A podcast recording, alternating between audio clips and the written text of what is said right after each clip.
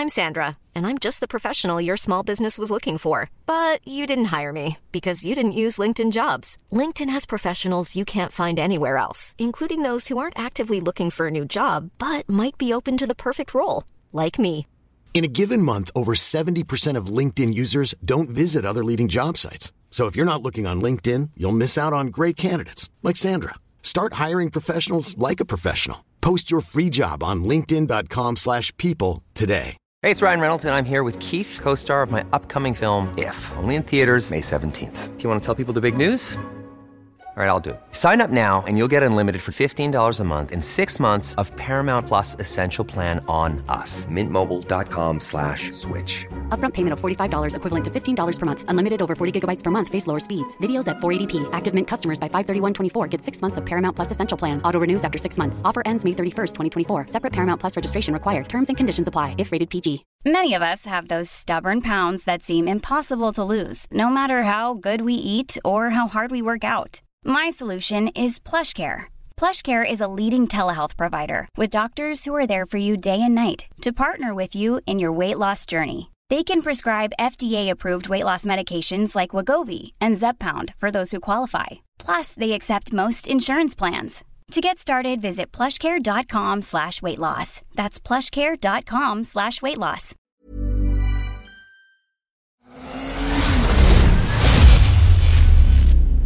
MC-podden.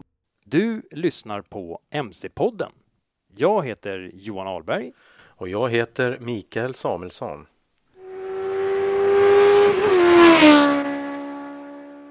Välkommen hem från GGN, Från ön, eller hur säger de? från, från ön. Ja. ja, hur var det där? Jo, men det var alltid lika roligt. Eh, jag, jag körde ju inte den här gången. Eh, alltså, Eller rätt sagt så här, det är ju faktiskt ett antal år sedan jag körde senast. Jag har ju själv kört tävlingen eh, Gotland Grand National som jag var. Det var anledningen till att jag var där var ju för att kolla Gotland Grand National, världens största endurotävling. Som i år hade rekordmånga, 3600 anmälda. Mm. Det, är li, det är lite som Vasaloppet på två hjul va? Mm, ja, men det ska, jag tycker det är det även i liksom upplägget. Alltså att det är inte, alltså vem som helst i princip är ju välkommen att köra. Ja. Men Johan, det serveras ingen blåbärssoppa efter vägen. Nej, det gör det inte. Svårt att trycka in det i hjälmen. Ja, Det kanske är någon som dricker det faktiskt. För, för Mycket till och med möjligt. våran kära kollega BG, Björn Gunnarsson, drack ju med sugrör. Så att det hade ju kunnat varit, eh, jag vet inte vad han drack för något, om det var whisky eller Nej, men blåbärssoppan kanske var- sätter sig i, Ja, i röret. ja. i rör. Ja, så att det blir bäggar igen. Avgasröret. Ja. i avgasröret. Kommer ut där bak. Du, Ja. men, men berätta lite Mm. kort för de som inte har varit där. Det, det är Tofta skjutfält, det vet vi. Det firade 40 år. Mm. Eh, men mer då? Ja. Vad, vad liksom, hur, hur ser det ut? Nej, men alltså tänk ett, eh, jag ska inte säga att det är ett eh, platt stepplandskap, men det är ju låg, eh, vad ska man säga, låga björkar, tallar, eller tallar, alltså det är mycket låg skog, eller vad säger man att det kallas, men och extremt mycket kalksten. Eh, området är ju väldigt sönderkört, så att eh, som vi var inne på i förra podden, eh, så är det ju tyvärr så att efter 40 år på det här skjutfältet så har man ju nu sagt nej till fortsättning följer det här. Så att man letar ju nu med ljus och lykta efter eh, någon annan plats att driva vidare tävlingen på. Och eh, jag träffade ju Conny Bolin som vi också intervjuade i förra podden. Vad sa Conny? Ja, Hade han några han- nyheter? Nej, det har ju varit rykten som det har stått om lite här och där och det har snackats en del. Men det är ingenting på pränt än. Så att eh, jakten fortsätter. Och jag vet som sagt eh, att de håller även på med alternativ på fastlandet. Mm. Tyvärr ska man väl säga. Men ja, hur som helst. Ehm, fortsättning följer på, det, på den biten. Vi kommer bevaka det och så. Sen är det så här Johan, jag ber dig måla upp en bild, men jag har ju också varit på GGN. Ja. Inte i år, Nej. men jag har ju varit där tidigare. Så att det är ju en massa depå, det finns ju depåer, det finns tält, Mm. det är ju en eh, massa eh, skåpbilar, massa personal. Det är ju liksom fullt va? Så Ja, att det är ju bara att gå runt där är och gill, gillar man det där, då är det ju bara att gå runt och, och insupa alla intryck så Ja. att säga. Ja, men det är ju en kul tävling på det sättet att man, även fast banan är över två mil lång, eh, så att det är ju olika klasser. Man start, några kör på fredagen, några kör på, eller många kör på fredagen och många kör på lördagen. Eh, men det är ju massstart i grupperna om du förstår vad jag menar. Mm. Men då i alla fall så är det ju så att om du följer någon eller några förare så kan du genom att bara förflytta dig några hundra meter så kan du faktiskt se en person två, tre gånger per varv. Mm. Så att det är ju lite kul att man Ja, inte men bara som precis. på, vad vet jag, ett bilrally där man bara zoom, en sekund så är den borta som man bevakar och sen ser man den inte mer på den dagen. Så att säga. vad vet jag. Den dagen. Ja, nej, Den veckan. Ja, nej men så att, så att det är ju en eh, väldigt eh, trevlig eh, tävling för publiken och det som är lite kul är att många motionärer kör ju på fredagen Eh, och sen kör bredd och elit på lördagen, vilket gör att har man åkt dit och har möjlighet så stannar man ju på lördagen och kan njuta av och kolla på när de som, ursäkta mig alla där ute, men de som verkligen kan köra på riktigt, de som bara kör halva vägen, som bara kör där uppe på topparna på det här stalpet och inte i alla håligheter och sånt. Nej, de. Ja. Okej, jag fattar. ja. Ja. Du, Johan, sen ska man eh, avverka ett antal varv. Är Mm. det någon maxtid eller hur Ja. funkar det? Precis. Vi, vi Man kan pratar säga ju fyra, fem varv. Man- pra- Efter tre timmar så dras snöret kan vi kalla det. Alltså då börjar en lampa lysa som gör, och sen så är det folk som flaggar av en. Så då får man inte köra ett varv till. Nej. Så passerar du så att säga start och mål, eller start är det inte, målfållan, eh, follan, innan, en sekund innan tre timmar så får du ju välja om du vill. Men då får du ju köra ett varv till om du vill. Mm. Så att, ehm, Och vad är bra då? Hur många varv är bra? Oj. Jag skulle säga jättemånga har ju som målsättning att köra tre varv, glada motionärer. Mm. Vår kära vän Björn hade ju fyra varv eh, som eh, målsättning i sin debut, eh, BG Gunnarsson. Ja. Eh, och eh, eliten då, i det här fallet exempelvis årets eh, vinnare, körde ju eh, sju varv. Så att vi kan säga så här, eh, eh, genomsnittspersonen, eh, motionären kör kanske tre varv, tre, fyra varv. Eh, vi pratar en, snittfart då, alltså på en eh, 24-25 km i timmen. Medan de där längst uppe på podiet, de håll- håller en snittfart på ungefär det dubbla, närmare 50 km timmen. Mm. Så att det, det, det, det skiljer ganska mycket kan man säga ja, faktiskt. verkligen. När det gäller vår eh, kära kollega Björn då, så skulle ju han debutera i GGN och du träffade honom på plats. Hur var hans eh, mode inför det här så att säga? Ja, Nej, men både du och jag, vi har ju träffat honom under lite mer avslappnade former, eh, provkörningar och lite annat tidigare. Men nu fick jag ju se en, en annan björn. Eh, fortfarande trevlig som vanligt och så, Jaha, men, vilken tur. men, men lite mera race mode. Okej. Jag såg hur han gick mer och mer in i, eh, även fast det bara var lite på skoj, som man brukar säga, så var det ändå race. Det, och det var en annan, eh, ja, jag såg eh, och märkte på honom hur han liksom eh, skärmade av sig lite grann sådär. Och ehm, för på fredagen då, när han kom direkt från färjan, så tillsammans med sin Karin där, så dök de upp i sin gröna buss och så begav vi oss till eh, inskrivningen eh, där man då hämtar ut lite en transponder och sånt som man ska montera på motorcykeln för att liksom hålla koll på varvtider och sånt. Ska den sitta på något speciellt ställe? Ja, den ska fästas som ett buntband och på Okej. gaff, ett av gaffelbenen då, då Ah, på okej. framgaffeln. Eh, och sen efter det så skulle han då bege sig in för att besiktiga motorcykeln. Mhm. Och, då, då är det helt enkelt eh, någon eh, funktionär där som bara kollar igenom så att eh, motorcykeln är i ett race-redo skick så att säga. Alltså Okej, att ja. bromsar, det finns lite ja, säkerhetsaspekter. Att det finns bromsar. Det finns bromsar. Det, det är en väldigt, det, vi pratar några, någon minuts eh, grej liksom. Mm. Och sen avslutningsvis, det sista som händer där i besiktningen är att man kör in i ett litet tält där det finns en liten avkännings... Eh, ja, helt enkelt en, trans- en transponderavläsare som känner, så så dyker upp på en skärm. Jaha, det är du som är Björn BG Gunnarsson, stämmer det? Ja. Och så tjo, då ser man att det funkar, liksom. tekniken funkar. Så det, det var väl det som hände egentligen på fredagen där då. då. Coolt. Ja. Kan, Eh, kan vi inte släppa in Björn så vi får höra vad han har Ja. att säga inför racet? Ja, Björn. Eh, det börjar närma sig.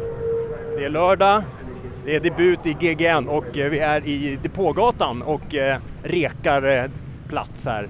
Hur, hur känns det så här eh, kort in på start? Det är några timmar kvar nu tills det är dags.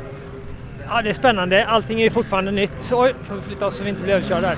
Eh, jo, allting är fortfarande nytt och det gäller att försöka förstå eh, systematiken här i depåupplägget eh, och sådär. Va? Så just nu handlar det om att försöka hitta en bra infart och en liten plats att lägga ut sin depåmatta på.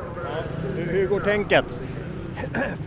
Ja, tänket är väl att eh, försöka eh, hålla sig på hjulen. Jag har förstått att det ska vara snuskigt halt där ute på kalkstenen där va. Så att, och bitvis ser det ganska snabbt ut. Jag kan tänka mig det är lätt att förivra sig och sen så sladdar det iväg och så ligger man i backen och krökt en, en växelspak eller ett styre eller något annat sånt där. Va? Så att jag ska försöka hålla mig i skinnet där i början så man får känt på första varvet i alla fall och få en uppfattning om vad det handlar om. Ja, det låter klokt. Gå ut hårt och öka helt enkelt. ja, Johan, där hörde vi Björn inför racet. Sen då? Vad hände efter det här? Ja, ja men sen var det ju lite hem och knyta sig, käka lite och sådär. Och eh, så, sen så eh, blev det ju lördag och racedag för Björn då. då. Var det, var det tidig uppgång eller? Eh, men inte jätte. Hans start var vid 12.30. Jaha, så att, eh, um, I och med att han startade i bredd tillsammans med Elit. Så han ställde upp där då, så att lagom till 12.30 så uh, ungefär strax före 12 någon gång så dök han upp där. I, då, då liksom kom han ut till startområdet på sin eh, KTM eh, och eh, körde in i startfåran, då får man stänga av motorn och leda in cykeln. Och eh, baserat på hans eh, tidigare meriter som var noll i det här fallet, i det här sammanhanget i alla fall. Ja. Även fast han har eh, rekordet på Isle of Man i, i Norden och så, så tog man inte någon hänsyn till det här. Mm, konstigt. Ja, jag tänkte att han kanske kunde vara sjukt snabb i starten. Men... Kunde ju få starta ett led. Ja, ja. ja men så han startade ju i tredje startled. Mm. Och det låter ju ändå så här, men du vet, det betyder alltså att han hade egentligen, i praktiken, så hade han två förare, två hojar framför sig. Ja. That's it.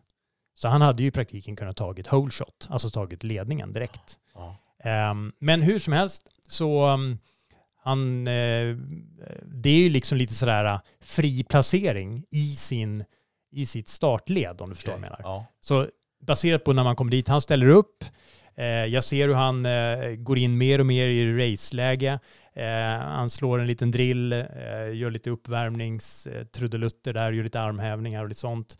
Eh, och sen klockan 12 och 25 så kommer en skylt upp att det är fem minuter kvar till start.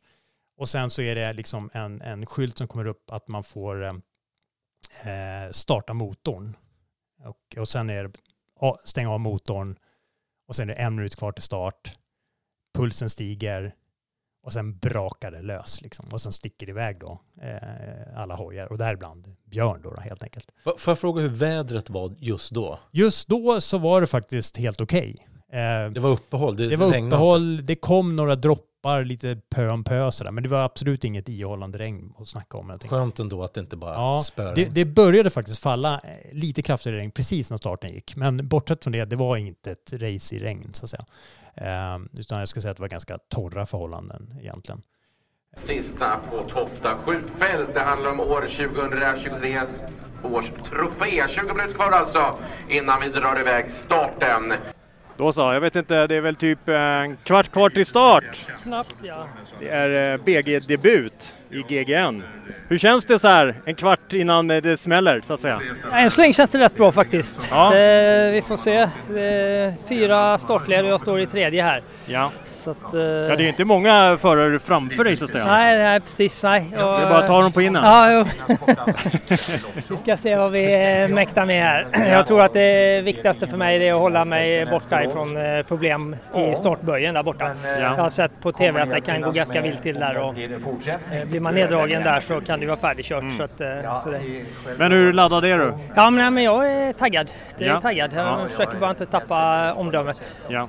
Och hur har du förberett det här nu det senaste dygnet? Hur har det sett Jag har eh, ätit eh, ordentligt eh, med mycket kolhydrater och sen så eh, ja, sovit i natt eh, en åtta timmar och så. Så att, eh, ja, ja, det är nog ingenting som, eh, som jag hade velat göra annorlunda Nej. eh, så här långt. Då, va? Och sista timmarna nu, du har laddat bra. Ja, liksom, vi känns- har varit nere och letat upp och tagit reda på hur det funkar med depån där nere. Ja. Var det enkelt eller svårt att komma hit som debutant? Ah, jag har haft god hjälp av dig här Johan, så att, eh, det har underlättat en del. Lite felvisningar i depåer. nej. Men, eh, nej, men det, ska, det har funkat eh, bra tror jag. Och det känns som att vi var ute i tillräckligt god tid och sådär. Så, att, så nu ska vi bara få ordning på det här i starten. Och vi har ju redan pratat om det här förut, men hur, vad är siktet inställt nu då? Fyra varv. Det Fyra varv. Liksom, det var... Jag tyckte vi pratade om fem Ja, här- alltså här en femte hade varit jättekul. Jag utesluter inte det, men fyra är målet Ja, så ja. får vi se. Ja. Eh, Jag får ta ett lugnt första varv och se hur det ser ut och försöka få grepp på banan och så får jag se hur länge energin räcker sen. Ja. Så att, eh, men fyra varv hoppas jag att det ska vara. De sa, jag pratade med en del eh, åkare som sa att det var mer uppkört eh, än vad det brukar vara. Väldigt stalpigt. Så att vi får eh, se hur pass, eh, hur armarna mår. Ja. Vi återkommer till det. Det kommer en mikrofon när du minst anar det. Ja, jo, gör du det. Lycka till nu. Lycka till nu. Tack. Ja, och det är mindre än 20 minuter kvar till start och eh, jag står här med Mr Hansson som eh, nummer tre som ska iväg alldeles snart. Om inte jag är fel ute. Ja, Stämmer rätt. det, det är väl din hoj? Ja, stämmer. Hur, hur känns det? Hur eh, taggad är du? Så här. Nej, det känns jättebra. Det ska bli så kul att komma iväg när startskottet går och få, få åka. Det ser grymt fint ut och jag ser fram emot det. Ja. Är det några, har du sett några stora förändringar i år mot eh, tidigare år? Som du kan... Ja, några små ändringar på banan kanske, men i stort sett eh, 95 procent tillsammans så Ja. ser det jättebra ut. Vad, vad är siktet inställt på? Nej, åka så fort som möjligt, eh, göra sju bra jämna varvtider och så får vi se hur långt det räcker. Ja. Vad är styrkan och vad känner du liksom att... Nej, jag, är väl, jag är väl ganska bra på att följa. Om det kommer någon som ökar tempot så kan jag liksom åka med dem och hitta lite linjer. Och förhoppningsvis eh, ta dem på slutet när de blir lite trötta så hoppas jag kan lägga en växel till. Ja. Härligt. Då önskar jag dig lycka till. Tack så mycket. ses vi efter sju varv. Tack, tack. Tack. Vad står jag? Jag står tillsammans med en eh, förare som ska bege sig iväg snart med en eh, stark, en varg. Det stämmer. Ja, elhoj är det som gäller. Hur, hur, hur erfaren är du? Äh, Den har gått eh, tre timmar har den gjort. Så erfaren är jag. Jag plockade bort gipset i fredags. Jag har gjort ett enda test bara. Oj! med den. Ja. Ja. Och själv då? Eh, hur många gånger har du kört tidigare? Jag har kört eh, GGN en gång. Så jag började, gång? började förra året. Ja, Gjorde jag. Och då tog jag med fem, eh, fem varv då. Ja. Då hade jag kört 40 timmar. men då var det gammal hedlig förbränningsmotor. Yes, det stämmer. Ja. Vad, vad är tanken? Alltså, hur, hur går tänket med laddning och sådär? Hur lång räckvidd hoppas du på? Nej, men jag hoppas på att jag kommer två, två varv. Sen Ja. går jag in i tankslingan, ska ladda i och det är 14 minuter ungefär för att Okej. kunna ta ett varv till. Ja, Och sen går jag in och laddar det som finns kvar till att klockan går ner till 2.55. ja Och då kör okej. jag vidare ut på till fjärde varv. Okej. Det är väl Härligt. planen. Ja. Men vi får se. Ja, ja som men det låter som en bra plan. Ja, jag tror det. Eh, Vinnande koncept. Ja, det ser ju väldigt fint ut. Eh, Den är ju specialdekorad kan man säga. Yes, det stämmer. Steering Racing eller något Ja, och sen eh, min största sponsor, locationbussen.se. Ja, Det är bra grejer. ja. Vad, vad är grejen med dem? De jobbar med olika filminspelningar och hyr ut eh, faciliteter och av, avspärrningsprodukter. Okej, de. okej. Häftigt. Ja, Ja, men kul. eh, stort lycka till! Tack. Vi hoppas det blir ett spännande race. Det hoppas jag med. Ja. Ha det. En minut kvar. En minut kvar. 30 seconds.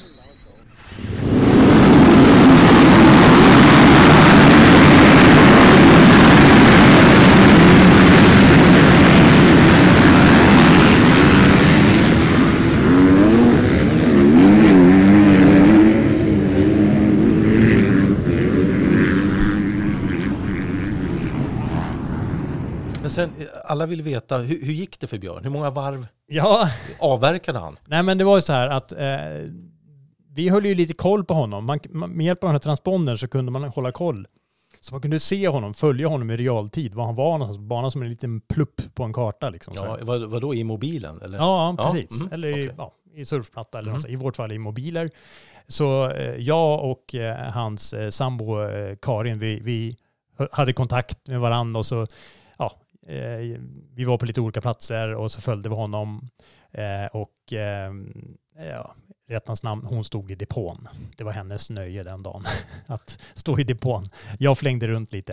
Eh, och eh, hur som helst så kunde vi följa Björn och då kunde vi se, man, kan, man får upp liksom i en lista kan man se eh, vad man tror att liksom baserat på nuvarande tempo och så, så tror datorn, räknar ut att ja, men, han borde kunna hinna så här många varv innan Aha, tre timmar. okej. Ja, beräknad målgång eller vad man ska kalla det. Sådär. Eh, så att, eh, Och då kan det där variera. Ja, men då, då såg vi att ganska långt in i racet, när han hade kört två varv, då såg vi att ja, men han, i det här tempot kommer han hinna köra fem varv. Och målsättningen för honom var ju fyra varv. Eh, men våran målsättning, din och min målsättning för Björn var ju fem varv. Ja, vi snäppte upp det ett Ja, så att, men det slutade i alla fall med att på sista varvet, när han gick ut på eh, sitt eh, Fjärde varv. fjärde varv, då såg det ut som att han fortfarande skulle kunna hinna ge sig ut på ett femte varv i inledningen av fjärde varvet. Men sen allt eftersom han, när han hade kanske kört en, halva eh, fjärde varvet, då såg vi att nej, nu, nu var han nog lite efter så där. Då började han tappa, tappa, tappa. Och då var det tydligen så att han, han eh, det hände lite grejer. Eh, så att, men det tycker jag vi eh, låter Björn säga själv här. I, i, jag hade ju ett snack med honom efter tävlingen. Men i alla fall, avslutningsvis här, eh, så slutar det i alla fall med att han eh, körde in på fyra varv eh, och hade missat, att, eh, missat själva den biten med två och en halv minut ungefär. Så Ah. hade han varit två och en halv minut snabbare så hade han fått köra ut på det femte varvet. Okej. Ja. Men ska vi hö- höra vad Björn har att säga då? efter skylla på. loppet. Ja, skylla på. Exakt. ja. Jaha, då så. Eh, ska inte säga att solen börjar gå ner, det gör den absolut inte. Men jag står här med, med Björn BG Gunnarsson som precis har debuterat i GGN. Hur känns det? Ja, det var en upplevelse. Ja. Ja, verkligen. Riktigt kul att ha fått eh, köra på den här klassiska banan där. Det är sista året på Tofta så eh, det var kul att hinna med det. Ja, lite kortfattat, eh, ta oss med. Eh, jag försökte, försökte eh, hålla min plan där med att inte göra några misstag i början och inte överköra eller eh, få känna på det här hala, den här hala kalkstenen som alla pratar om där. Va? Och, och, eh, den bästa eh, liknelsen jag kan göra det är att köra med slicks på eh, regn. Det var verkligen halt på sina ställen där. Men så småningom så fick jag upp lite tempo och gjorde depåstopp efter två Eh, varv och sen så på tredje varvet också. Man är tvungen att åka in i depån två gånger där. På tredje varvet så tankade vi lite grann och sen så stack jag ut och eh, då fick jag tips om att det fanns faktiskt en chans att hinna ut på ett femte också där. Så jag gjorde vad jag kunde där på fjärde men lyckas eh, faktiskt åka omkull eh, lite rejält upp i skogen där på en eh, kalkfläck. Och sen så fick jag stopp i en backe när jag blev lite trängd i ett spår där ute på, ja, på myren. Men jag tappade inte jättemånga minuter men det var tillräckligt för att inte, jag tror 3.03 eller något var det någon som sa. Eh, att jag kom i mål på det här. Va? Så att, eh, men jag är jättenöjd. Jag, målet var ju att hinna fyra varv på alla de här eh, tre eh, stora Stångebro, Ränneslätt och Gotland där. Va? Och det, det har jag lyckats med där så att eh, det, det är kul. Jättekul. Ja. Hur känns det i kroppen? Ja, det är slitet är. Ja. det. Jag tror jag kommer lyckas komma upp med de andra bägge racen där så är jag väl uppe på precis över 20 timmar i endurosåldern där. Så att man skulle såklart behövt åka mer men det, det är inte alltid som eh, ambitionen går hand i hand med verkligheten där. Så att, eh, så det, Jag, jag tänker på, vi pratade lite snabbt här, eh, du ska få gå och byta om och sätta på lite varma kläder men skillnaden Isle of Man och enduro på GGN, längdskidor och Ja, slalom. det är mi- milsvis skillnad. Jag, jag beskrivit det som, eh, det är som att gå från eh, alpinskidåkning till eh, längdskidåkning. Det är fortfarande två skidor och två stavar men det är helt annan utrustning och helt andra förmågor som krävs då. Så att, det är häftigt när de kommer studsande i skogen här, Albin och grabbarna som kan köra det här på riktigt där då. Så att, ja, det är snyggt. Ja. Stort grattis Björn! Ja, tack! Ja, nu får du lindra om alla skavsår. nej, jag gjorde lite blåsor i händerna. Ja, Tack! Mm, där hörde vi vår egna hushjälte Mm. Björn Gunnarsson.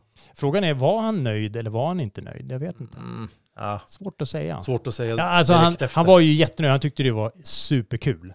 Framförallt tror jag att han tycker, som många andra också, det blir liksom roligare några dagar efteråt. Mm. Om du förstår vad jag menar. Ja, jag fattar precis. Eh, Det är alltid roligare ett tag efter. Ja, och eh, eh, vi, vi, eh, vi tog ju en liten sväng på söndagen eh, i Visby. Så var vi ute och käkade lunch ihop och lite sånt där. Och eh, han var ju inte det piggaste jag. Det var inte den piggaste Björn jag, jag träffat. Nej, men med all rätt Johan. Jag ska inte sitta här och, och, och, säga att jag hade gjort det där bättre. Nej, nej, Jag är grymt nej. imponerad. Nej, men alltså, man, man är ju inte det. Man är Nej. ju sargad. Men jag är glad, för han var ju inte eh, skadad. Utan Nej, det är man är ju öm i kroppen och sånt efter sånt race. Man är ju inte kaxig efteråt, det är ju så. Kanske Albin och company, de här som är topp, topp raceförarna, är, de är inte, ja, det är liksom, jaha, ja, det var ett till race. Men jag skulle i alla fall, jag vill säga grattis Björn Ja, BG Gunnarsson. definitivt. Till ett väl genomfört Ja. GGN. Han har ju också eh, levererat i både Stångebroslaget och i Ränneslättsloppet tidigare år, också fyra varv. Vilket gjorde att han fick eh, klassiken i, i, eh, i breddklassen som då kräver att man är lite snabbare än när man är glad motionär. Och då ska vi inte glömma att det här är alltså hans första år som han ens sitter på en endurohoj. Så att det, Nej, det är grymt. grymt jobbat. Bra jobbat Björn. Men vi, vi träffade ju lite andra människor också på Gotland när jag ändå var där. Ja, då står vi här i eh, tankslingan eh, på GGN eh, och eh, jag står här tillsammans med, eh, vem då? Lisette Weimers Och eh, du kommer ifrån Upplands Väsby. Upplands Väsby, strax norr om Stockholm. Eller Vilda Väsby som det också kallas. Precis, Vilda Väsby. Ja. Är det därför du är här? För det är lite wild and crazy att köra Ja, men jag har hittat en eh, nyfunnen kärlek Ja. förra året. Trevligt. Ja. Så det här är andra gången då? då Andra året på? Gotland. Ja. Vad, vad tycker du, eh, vad, vad var liksom eh, upplevelsemässigt, vad var den stora skillnaden mellan förra året och nu? Förutom att du debuterade förra året. Det känns ju som att det är mer folk i år. Eh, vädret har ju varit lite annorlunda mot förra året. Då var det ju super, super fint och solen sken och ganska torrt och idag var det, eller igår var det jag körde, då var det ju lite blötare. Ja. Eh, annars tycker jag att det har varit eh, som förra året. Skitkul, Mm. god stämning, speciellt i starten. Tjejerna peppar ju verkligen varandra, eh, Mm. så skriker innan eh, det går. Liksom. Ja, härligt. Ja. Vad, vad, vad tycker du själv personligen, eh, vad är liksom största utmaningen? Vad är det som är jobbigast, svårast totalt sett? Eh, Min största utmaning är ju att jag ska övervinna mina rädslor. Främst vid nedförsbackar där det låser sig totalt. Även om jag vet att jag klarar av det så säger hjärnan någonting helt annat. Ja, Eh, Och sen våga gasa mer. ja. Ja. Vad, vad, om du bortser från backar och sånt där, hur, hur upplever du typ kalksten och sånt där? Tycker du att det är ett ständigt problem eller? ja, det är ju halt på vissa ställen men jag Mm. tycker att det har gått bra. Så jag vet inte om det är för att jag inte har farten med mig riktigt. Men man får ju sladd eh, och jag vurpade massa gånger igår. Mm. Eh, Men Du klarar dig Jag klarar mig. ensam? Ja. ja. Vad, vad körde du för hoj? En Husqvarna 250. Mm. En två... Fyrtakt. En, en fyrtakt? Ja. Ja. ja. En snäll maskin? Ja, den eh, tuffar ju på. Ja. ja. Och hur, hur väl förberedd känner du att du var inför tävlingen? Eh, Jag hade ju önskat att jag hade tränat mera, men eh, betydligt mer nu än vad det var förra året. Mm. Så en del timmar innan i alla fall. Ja. Jag gjorde min första service på hojen själv också, så det får jag ju ändå vara stolt över. Ja, ja. Men jag tänker nu så här med, med två GGN i bagaget. Eh, blir det en tredje? Ja, Ja, absolut. du är fast. Ja, jo men det är jag verkligen. Roligt. Så roligt. Vad, vad, ska du, vad ska du drilla mer till nästa år då? då? Eh, Jag ska nog försöka analysera det som jag har kört nu det här året och eh, träna på det som jag har svårt med, alltså backar, spår eh, och sen få upp farten och våga lita på att jag kan det. Och sen bara ännu fler timmar. Eh, vad skulle du vilja säga till alla tjejer där ute som eh, kanske går och tänker eller som har varit här och hjälpt killar som kör? För det är ju ändå övervägande mycket Ja. killar liksom. Nej, men jag skulle verkligen vilja uppmuntra alla till att våga testa för det är sån gemenskap och det är inte en enda sur min och jag vill verkligen hylla Tilda och Camilla som drar i det här för, för att få fler tjejer till Gotland. Och när de varvade mig i spåret så är det ju bara hejarop. Och så här, kom igen nu, du klarar det! Och det gör ju att man blir så glad. Mm. Och männen, många gör ju också det, men en del drar ju bara förbi. Men majoriteten är ju så peppande längs spåret. Ja. Och, De har nog fullt upp med sitt egna kan man, får man jo men det har de, men jag tycker ändå att Ja. ramlar man så folk stannar ju och Ja. kollar så att man är okej och det känns ju jättetryggt. Har du några mer eh, ord, någonting du skulle vilja säga till alla där ute?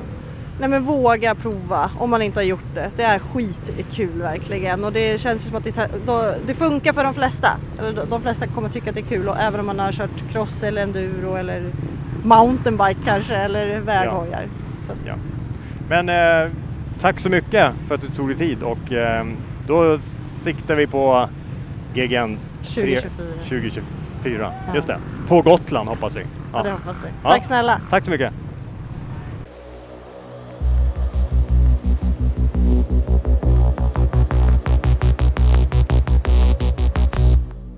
Med respekt för Björn, nu vill nog alla andra veta vem eller vilka tog hem det här kalaset. Mm. Nej, men eh, snabbast av dem alla var ju Albin Elofsson, eh, Husqvarna-föraren från FMCK Skövde som... Fjolårsvinnaren va? Ja. Han vann även förra året. Stämmer, stämmer. Och det är ju lite extra hedersamt att vinna den här 40 upplagan i och med att det var den sista gången nu på Tofta skjutfält. Det kommer ju liksom för evigt vara sista racet på Tofta skjutfält är ju ändå lite speciellt. Nej, det är och, och eh, i damklassen så var det Linnea Åkesson, betaföraren, också hon från FMCK Skövde som vann.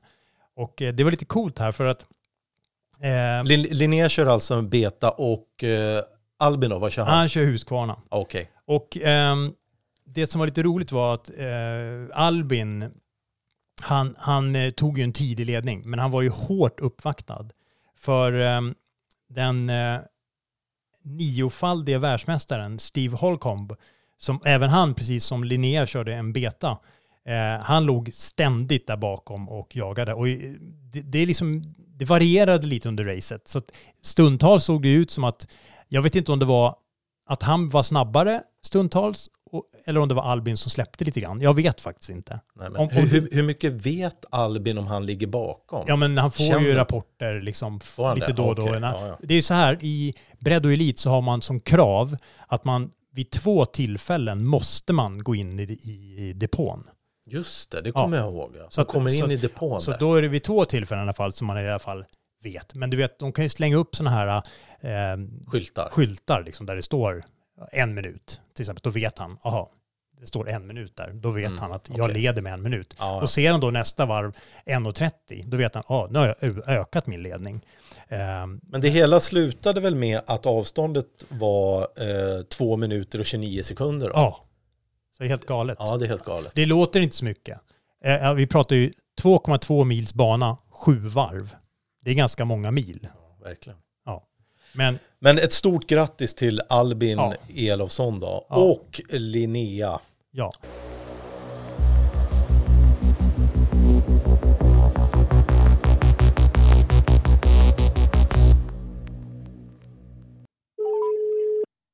Är det Albin? Hej Albin, det här var Johan Ahlberg från MC-podden och Fastbikes.se.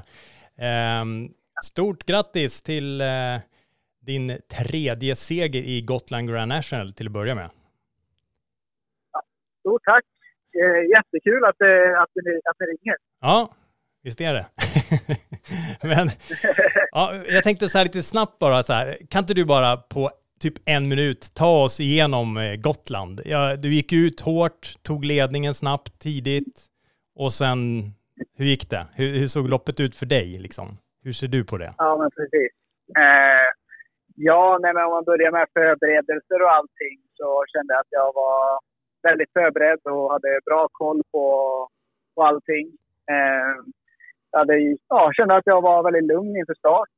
Eh, och sen var det ju starten då. Jag har ju aldrig riktigt lyckats med mina starter eh, på Gotland eller på långlopp över, överlag. Jag har haft lite svårt och inte fått till det riktigt. Men i år då så var jag ut som två in i första böj och andra sväng så gick jag upp i ledning. Och, och därefter så kunde jag ta och eh, ja, utöka ledningen inledningsvis. Så efter ett varv så hade jag 47 sekunder. Och gick in första varvet i, inför första depåstoppet där. Eh, och sen kom ut efter Filip Bengtsson. Eh, kunde köra om honom ganska snart.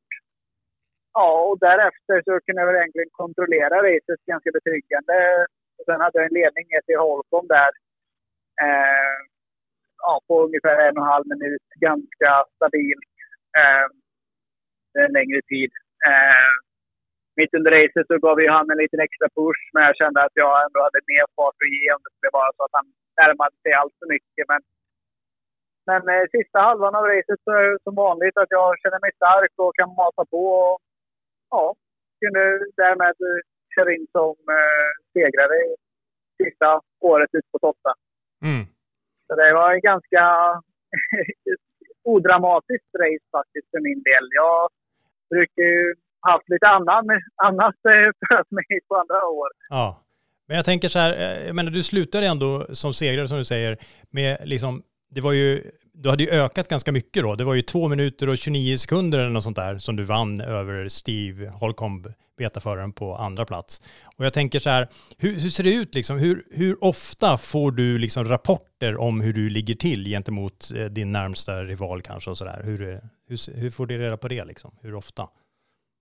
Ja, men precis. Ja, men jag har ju eh, folk med banan så att jag kan få...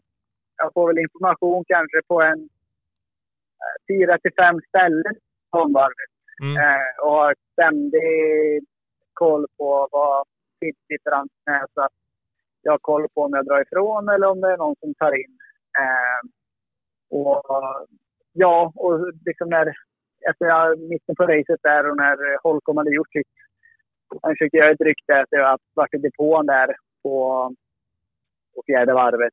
Och, och därefter så ja, gjorde han ett ryck och där, men jag kunde svara emot och, ja, och fortsätta mata på. Liksom. Det var väl egentligen inte att jag ökade farten utan eh, jag bara bibehöll och kunde mata in hela vägen i mål. Mm. Ja, det såg ju, för oss som var på plats och såg, det såg ju onekligen stabilt ut. Jag måste säga, det, det, ser väldigt lätt ut när man ser dig.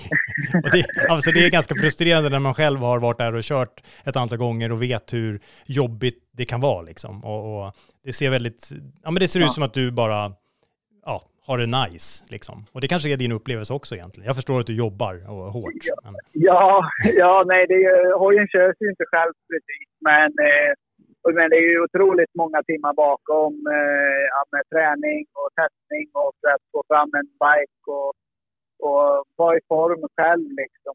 Mm. Eh, och känna sig förberedd. Eh, det är otroligt många timmar man lägger ner och just inför det här racet som är så pass stort och viktigt. Mm. För en annan under, den här, under säsongen så, så vill man ju verkligen naila dagen. Och men eh, som jag sa innan, jag var väldigt lugn inför start och kände att jag hade bra koll på läget. Och, ja, om jag bara fick en bra start så kände jag att nej, men det ska, ja, de ska, kommer få köra fort om de ska vinna. Mm. Eh, och, och, men jag hade... Ja, jag kände att jag hade koll på läget hela tiden. Så Ja. att det var, jag kunde ta och köra med god marginal egentligen hela racet igenom. Eh, och det är ju otroligt skönt. Ja, det måste vara en häftig känsla. Men jag tänker, hur, hur känner du inför att det här var sista året på Tofta? Och att det är något nytt, oavsett om det är på Gotland eller om det blir på fastlandet. Hur känner du inför det? Ja, alltså det är för att börja med att det är väldigt tråkigt. Eh, det är ju Tofta och Gotland Gunnetten är ju Tofta. Allting med vad hästskon har innebär och har inneburit och Allhagemy, de här ikoniska platserna. Mm. Eh, och den där mäktiga starten, liksom startrakan och med SVT och hela den biten har ju varit, eh, har ju varit där ute liksom med, med utsikt över havet och, och den här biten. Men ja, saker och ting är ju som det är och allting förändras ju. Och det är dags att byta, byta ställe då. Och så får vi se vad det blir. Men eh, det kan ju vara, kan ju vara bra med omväxling också. Och som sagt, banan är ju väldigt, väldigt obefintlig på material på sina ställen. Ja. Eh, det är ju bara kalksten på några ställen och det är ju, ja, det är kanske inte det rockigaste. Utan det kan nog kanske bli gött att komma till något nytt ställe. Så hoppas vi bara på att bana och, och allting runt omkring kommer funka så pass bra som det ändå gör ute på Tofta. Mm. Men jag tänker så här nu då, det är ju snart Kåsan och du har ju onekligen haft en riktig kanonsäsong så här långt, som jag ser på det i alla fall. Jag menar, du har ju, du har ju vunnit Stångebro, du vann Ränneslättsloppet, du vann, eh, jag, om inte jag minns fel så är det väl den femte titeln i enduro-SM också. Eh, Ja, ja. Och nu då, Vimmerby den 18 och 19 november, alltså nästa helg. Så um, siktar väl du, kan jag tänka mig, det är väl en fjärde Kåsaseger hoppas du på, misstänker jag. Det är väl där, det du kör för? Ja, ja men absolut. Det, det, det har ju varit en superbra säsong eh, och vill ju verkligen försöka avsluta på topp. Eh, och ska göra allt jag kan för att eh, lyckas. Eh, men eh, Kåsan är ju en otroligt speciell tävling. Eh, det är otroligt många mil och extremt tufft. Och det gäller att både du själv och, och biken tar sig i mål under de här många timmarna vi ska köra och att allting lirar. Mm. För, eh, ja, det är, allting kan hända och du är inte i mål förrän du är i mål. Och, och kan rulla upp på målrampen där eh, i natten där den 19. Så. Jag, jag, jag Men eh, jag, jag som sagt, målet är ju, är ju fast att jag ska försöka vinna och försöka göra en clean sweep här i Sverige. jag tänker så här, eh, du kör ju Husqvarna, men jag tänker, vad, det kanske är hemligt så här länge eh, vad du kommer köra på för hoj. Det, om det är en 250 eller en 450 eller whatever, jag vet inte. Ja, nej, nej, det är ingen hemlighet. utan Jag kör på en, eh, på en 350 Mm. Husqvarna. Ja. Och, ja, och det är det som jag har Ja. trivts på och kört dem. Ja. Ja, jag vet inte knappt hur många år det är nu, men eh, väldigt många år har jag kört eh, 350 och känt att jag har. Mm. Så Jag var på 450 där 20, 20 körde jag ju. Men eh, annars har jag känt att 350 är eh, en melodin för mig. Ja, det bästa av allt, av flera världar så att säga. Ehm, vad vad Ja, tänker du annars kring. Vimmerby då? Du har ju vunnit där tidigare och jag tänker nu är det dags, vad, vad är, vad tycker du är det bästa och kanske det jobbigaste med Kåsan i Vimmerby, rent historiskt, när du har varit där och kört? Ja, ja men precis. Nej, men det, det är ju framförallt eh, ikoniskt med Kåsan. i Vimmerby brukar garanterar Kåsan och de gör det ju med bravur varenda gång. Eh, och eh, det som är eh, tufft med eh, Vimmerby-Kåsan det är ju all sten de har där. Eh, och det brukar bli långt och tufft. Mm. Och som det var förra gången vi körde 2018, där jag lyckades vinna.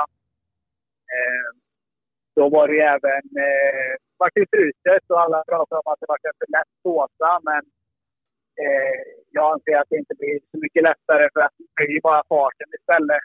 Och den träningsverken jag hade efter den kåsan, den, den är fortfarande eh, överst på listan. Det hade jag ju sviter utav i alla fall en vecka efteråt.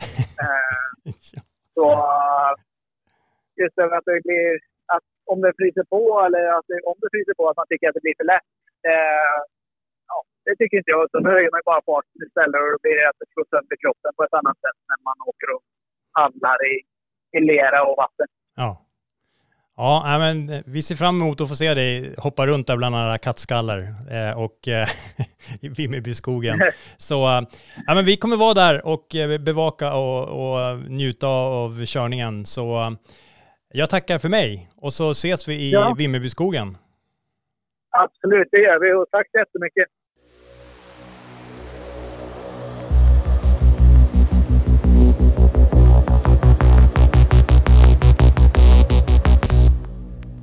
Jag måste ju säga så här, Albin, han har ju haft ett fantastiskt år.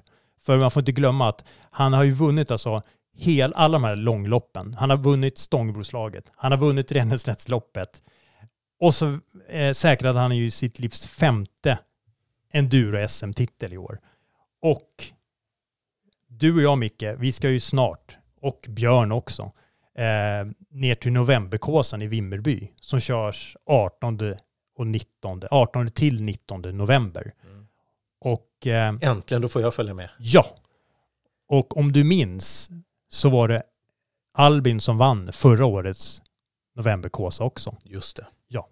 Och nu ska det eh, kanske bli så att nu siktar Albin på sin fjärde Kåsa-seger. Ja, sjukt spännande. Ja. Så att, eh, vi ska ut dit och grilla korv och njuta av tillvaron. Så eh, har du vägarna förbi så eh, ses vi, eller så, man ses ju inte så bra där, men det är ju mörkt. Men eh, 18 till 19 november, Vimmerby är det som gäller. Kom dit, det blir kul. Innan vi lämnar GGN Johan så skulle jag vilja höra eh, vad som hände där när ni var ute och käkade lunch. Det hände väl något speciellt? Ja, det var faktiskt väldigt roligt. Det, eh, på söndagen var det va? Ja, faktum är att innan lunchen, vi kan börja lite där faktiskt, för det var så här, vi gick runt lite, eh, Björn hade aldrig varit på Gotland, jag trodde att han hade varit där och kört kanske på, på, på banan där och sådär, men det hade han inte. Eh, och, men hur som helst så går vi runt där och då blir han ju stoppad. Eller stoppad, det låter ju lite brutalt, bryskt sådär. Det var bara trevliga människor helt enkelt eh, som eh, tyckte sig känna igen eh, den här Isle of Man-föraren som de hade varit och kollat på eh, på ön själva. Och eh, han mötte fans helt enkelt som, Mm, som ville, ville slänga några ord med honom sådär. Och eh, hur som helst så gick vi och käkade lite lunch och så när vi, vi ska gå därifrån, då är det en, en, en kille där som liksom lite försiktigt tar tag i min arm och säger ursäkta men eh, MC-podden? Varpå jag säger eh, ja, lite förvånad så här, och Björn vänder sig om lite så här också, så här, vad är det som händer?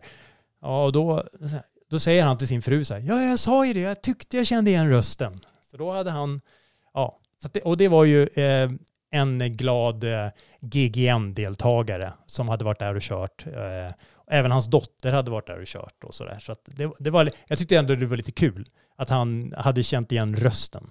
Ja, men det är Ja. härligt. Ni Vi hade käkade fan- inte ens glass. Nej, ni hade fans båda två där. ja. Det är jättekul. ja, men det är lite kul. Roligt att ni lyssnar i alla fall. Så att, eh, ja, så att vi inte pratar för tomma öron, höll jag på att säga. En sak till Johan, så träffade ju du en väldigt speciell person som eh, man kan säga så här, gjo- gjorde ett, hela paketet. Helt galet. Körde eh, med motorcykel en KTM 450 från Orminge till färjan, över på färjan, till Tofta med mellanlandning. Körde eh, det där eh, GGN och sen åkte tillbaka på samma hoj. Har jag förstått det hela rätt? Ja. Men eh, jag tycker vi, vi, vi låter han berätta själv. Varsågoda då, då släpper vi in Joel Gevström. Ja.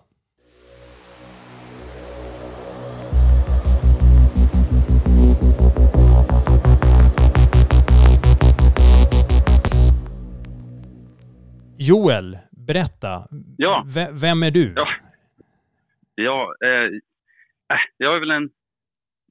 Jag är en entusiast, jag är 49 år, härstammar från Hälsingland, började åka motorcykel för sju år sedan kanske. Jag växte väl upp på någon eh, 80 kubikare i skogarna där uppe. Och, eh, och bak på min pappas gamla BMW. Mm.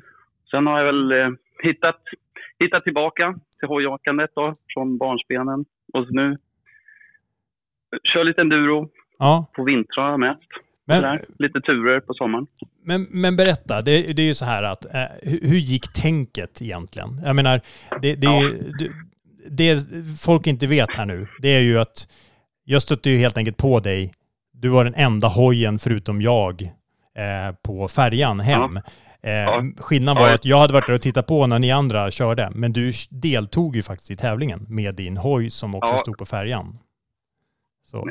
Ja, precis. Nej, men för mig var det, eller vi hade, det var väl inte egentligen jag och en kollega som skulle åka över, tänkte vi, och köra det där. Ja. Och så, men från början var det så här att jag har hållit på en liten enduro och alla frågar har du kört GGN? Och så nej, det har jag inte gjort. Och så tänker jag, det ska man väl ha gjort innan man slutar Ja. Med det här liksom. Så det, och nu är jag frisk och kry så det är bara att köra. Så jag anmälde mig Och sen blev det... Eh, nej, men det är klart man kör dit och kör hem, tänkte Mm. vi. Vad, Det vad, är- det vad är det för hoj vi pratar om? Nu pratar vi en gammal KTM 450 EXCF 2006, 7 där någonstans. Ja. Eh, så det är, ju, det är ju en alldeles utmärkt väghoj också. Mm. Ja, precis. För du, för du bor ju inte i Nynäshamn eller i Visby, utan du, du bor ju någonstans i Stockholmstrakten har jag förstått. Ja, precis. Jag bor i Orminge utanför Nacka, öster om Stockholm. Precis. Ja. Så det är ingen, det är ingen jätteresa ner till Nynäshamn. Liksom. Nej, men det måste ju ha varit åtminstone en timme eller någonting sånt. Kanske en och en halv rent av. Ja, jag, vet jag. ja, en och en halv blev det nog. För att jag stannade lite och försökte tina upp lite här och där. Jag drog iväg tidigt på morgonen på, på fredagen härifrån. Jag Mm. tänkte jag måste ha gott om tid. Ja. Färjan går 11, men jag, jag drog där vid. Jag var ju övertaggad som satan när jag vaknade. Så det var ju bara på med allt och dra iväg. Så jag var ju på rull liksom halv åtta någonstans. Ja. Men då Så- regnade det över två plusgrader. För jag noterade ju också att du hade ju verkligen, det du hade var det du hade med dig i ryggsäcken i princip. Ja, exakt. Ja. Det, var- ja, det var lite av idén också. Jag åker med det jag ska ha. Sen hade jag alltså lånat en stuga av en kompis som låg en och en halv, två mil från Tofta. Så att Okej. det, det var dit liksom jag satsade. Men jag hade alla verktyg och allt jag behöver. Eller alla verktyg. 8, 10, 13, 24. Det är Ja. det man behöver.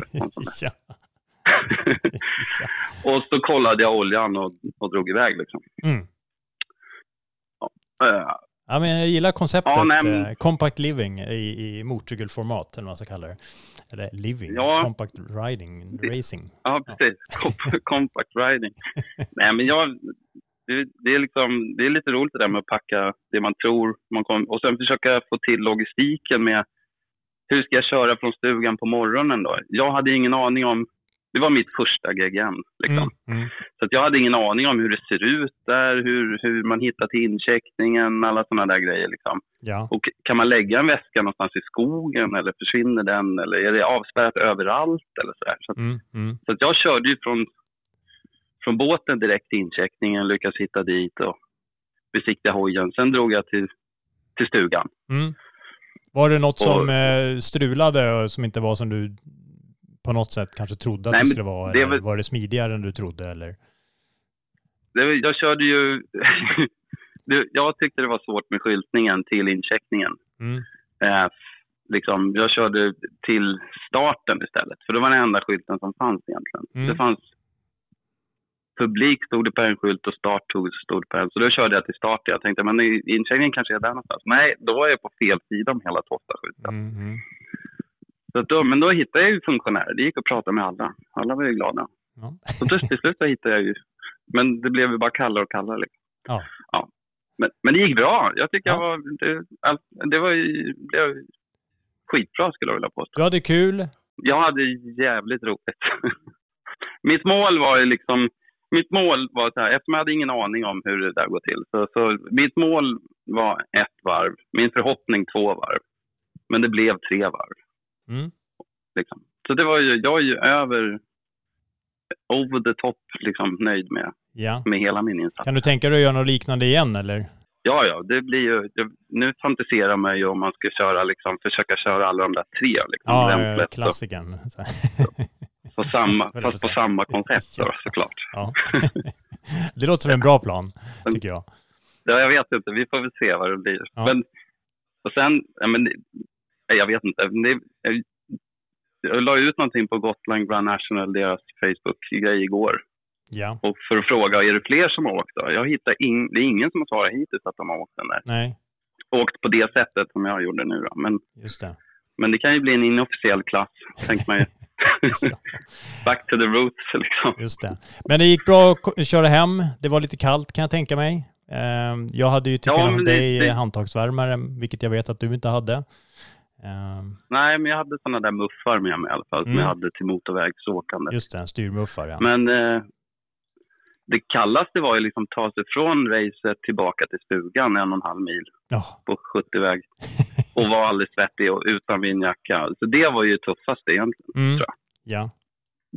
För då blev jag kall. Liksom. Ja.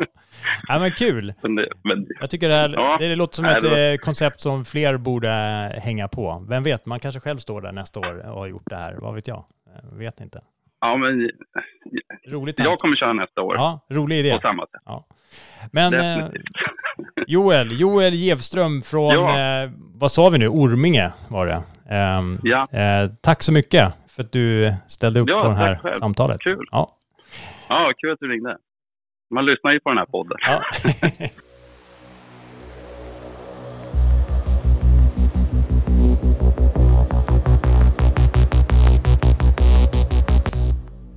Ja, när man eh, tänker nederbörd och, och regn här Johan, så tänker jag på en annan sak. Jag tänker på ett Vadå hisk... regn? Vad tänker du regn? Du menar att det regnade när vi åkte hem från Gotland? Ja, du har ju pratat om eh, nederbörd här. Mm, just det. Ehm, men då tänker jag på modellregn här. Mm. Nu regnar det in modeller. Verkligen. Nya motorcykelmodeller. Ja.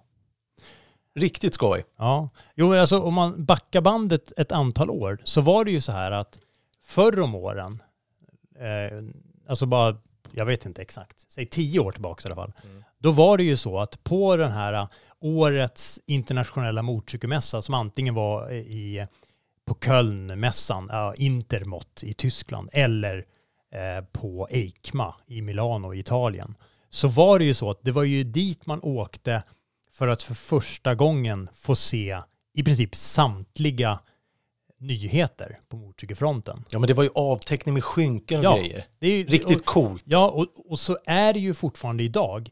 Det enda som är lite tråkigt är ju att man redan i eh, maj, juni börjar släppa liksom nästa års, jag menar Okej, re, i år, i, redan i somras så började man släppa 2024 års modellerna. Mm. Eh, och eh, eh, sen på mässan så avtäcker man ju kanske modeller som man redan har sett. Men det är klart att det är alltid roligare att se dem Live ja. live och vara Ja, där och klart. klämma och känna lite och, och insupa atmosfären och träffa andra likasinnade och sådär. Så jag vill inte förminska den biten, absolut inte. Men, eh, och, eh, men Så jag, jag tänkte att vi skulle dra igenom lite modeller. ja, det är väl lite för, kul. för som du är inne på, eh, idag fredag när det här avslippet, avslippet, Avslippet, är- ja, slippar lite här, Ja. eh, slip control. Nej, men då, då pågår ju EICMA, den internationella motorcykelmässan, för fullt. I Så att- Milano, Italien. I Milano. Så har du möjlighet att höra på fredagen så hoppa på nästa flyg till Milano. Eh, så, eller vad säger du Micke? Det är ju värt att Ja, uppleva. ja, ja, alltså vi har ju varit där flera gånger. Mm. Eh, Jag kan säga att det är en upplevelse utan dess like. Om man tänker Stockholmsmässan eller någonting så är det här gigantiskt mycket större. Mm. Det är ju flera hallar och det är, man får gå mil efter mil och det är hur mycket steg som helst. Och det är fullt med motorcyklar och tillbehör och utrustning och Mm. grejer. Så att, Mm. nej, jag tycker att det, det är en riktig höjdpunkt. Ja. Så den, den håller ju på till på söndag. Men sen får vi inte glömma att i, i början på nästa år så är det ju dags här i Sverige på Älvsjö, eh, eller Stockholmsmässan vid Älvsjö eh, för vår svenska del. Så att, ja, Ja, och det, är- det, till. och det är kul nog. Då ses vi där. Men om vi börjar med Triumph då, Mm. så ska ju de släppa nya Tiger 900-serien då. Just det. Eh, här ska den ha uppdaterats med ökad toppeffekt, mer vridmoment, ökad komfort och bättre prestanda överlag. Mm. Eh, det kommer inkludera Tiger 900 GT, GT Pro och Rally Pro. Ja. Eh, det här blir ju lite kul för att eh, vi har ju blivit inbjudna. Ja, för jag ska ju det är faktiskt... du som ska iväg och köra. Ja. Eh, Sladda fram någonstans. jag ska var till- Malaga var det? Jag ska till Malaga och provköra Tiger 900. Så då kommer vi att eh, berätta mer om Ja. den här modellen. Ja. Förhoppningsvis är det körning i, i sol och inte regn. Jag hoppas det. det, är ju, där, det och inte det här, blir- det här är ju början av eh, december. Ja, så det inte är ett modellregn där också så att säga. Nej. Nej. Men, men eh, det har ju som sagt bara drällt in eh, massa nya modeller av alla dess slag. Och eh, förutom då tigen Tigern här nu så, så näst ut egentligen på min lista här som jag tänker på eh, är ju att i, den här vevan, det är inte en ny modell men jag tycker ändå att det är lite intressant att ta upp det, så var det så att här bara för några dagar sedan så debuterade Honda med sin eldrivna motocrosshoj. Och jag tycker det var lite coolt för att de eh, testade det här i ett eh, amerikanskt race eh, och eh, Trey Carnard, han blev eh, näst snabbast på morgonträningen och, och så där fortsatte det liksom. Så att han, han eh, ja, i, i eh, det tredje hitet så eh, startade han, precis som de andra racen, återigen starkt, tog ledningen och eh, under de här racen som pågick under den här helgen så vann han två av tre starter med den här hojen då. då. Eh, och ehm, ja, eh, men det slutade ju med att han tyvärr kraschade lite och eh, men, men det såg nämligen ut som att de skulle kunna ta segern i den här första racehelgen. Men Ehm, ja, det var hur som helst totalt sett en väldigt framgångsrik och eh, kanske uppmuntrande debut för den här hojen. Så det jag tycker det är väldigt coolt. Det är båda gott för framtiden. Ehm, eh, Hondas CR Electric Proto, en, en, alltså en Proto som prototyp. Ja, nog om det. Vi går vidare till modeller som faktiskt kommer snart. Så att, eh, vad har du då Micke på din lista? Eh, Yamaha släpper en mycket intressant modell som jag går igång lite på. Och det är XSR 900 GP. Oh, riktig modern klassiker. Nej men bara GP, det får ju mig att... Jag är ju ingen GP-nörd, men ändå liksom. Mm. Och tittar man på bilderna på den så är det liksom eh, för tankarna tillbaka till YSR 500, 80 och 90-tals racemaskiner. Mm. Eh, och det här, jag, jag verkligen gillar den här, det här stuket. En del kanske inte gör det, men jag gör det. Mm. Kåporna eh, för tankarna tillbaks till 80-tals race. Och fälgarna röda med härligt spikraka ekrar i. Alltså, Och sen är den ju modern, så den har ju all elektronik. va. Mm. Men jag tycker att den är riktigt ball. Den har ingen helkåpa direkt, utan mera en ja, halvkåpa. Mm. Så man ser liksom motorn i den. Ja, Jag tycker den här är riktigt häftig. Mm. Nej men den är ju som du säger, den är ju byggd enligt moderna normer men samtidigt så och eh, riktigt, jag håller helt med. Det är ju verkligen en sån här hoj man eh, med glädje skulle ha och gå ut och titta på i garaget. Ja, verkligen. Och sen tittar man på den så här på bilden så, så tänker man, vad är framlyset? Har han byggt in det? Men det är Mm. litet LED-framlyse då i nederkant av kåpan. Nej, riktigt ball. Ja, verkligen. Annars då Johan, är det någon du har fått upp ögonen för, någon modell?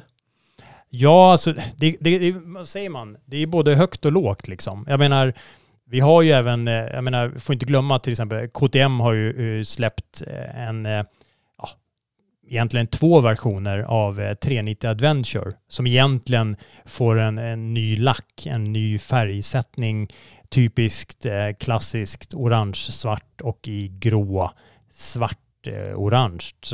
Men där eh, den även kommer, 390 Adventure även får sällskap av en modell som med modellbeteckningen SW på slutet som kommer med trådekrade hjul istället för de gjutna aluminiumfälgarna som sitter på standardversionen. Och lite i SV har också en lite mer offroad-anpassad eh, fjädring.